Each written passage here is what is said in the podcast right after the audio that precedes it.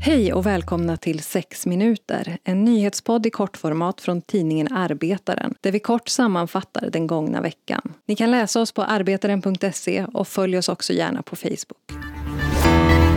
I måndags presenterade regeringen tillsammans med samarbetspartierna förslagen till reformer i den av många så hårt kritiserade LAS-utredningen. Reformen beskrivs som den största förändringen på svensk arbetsmarknad i modern tid och har redan orsakat stora protester från fackligt håll. Bland annat föreslås att arbetsköpare ska få utökad möjlighet att göra undantag från turordningsreglerna samt lägre kostnader vid uppsägningar. Läs mer om det här och all vår tidigare rapportering kring glasutredningen på arbetaren.se.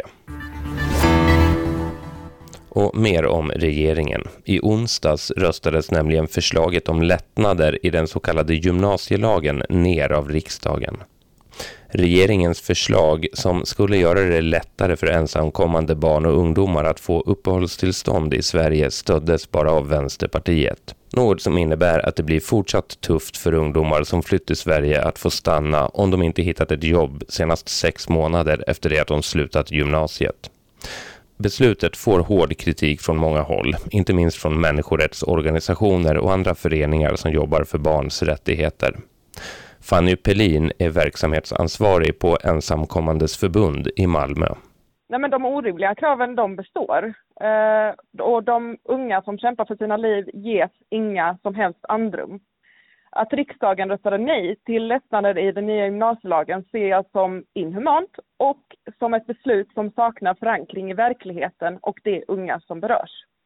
Och det sa alltså Fanny Pelin på organisationen Ensamkommandes förbund i Malmö. För första gången på 20 år ökar antalet barn som tvingas in i barnarbete. Det visar en ny rapport från den internationella arbetsorganisationen ILO.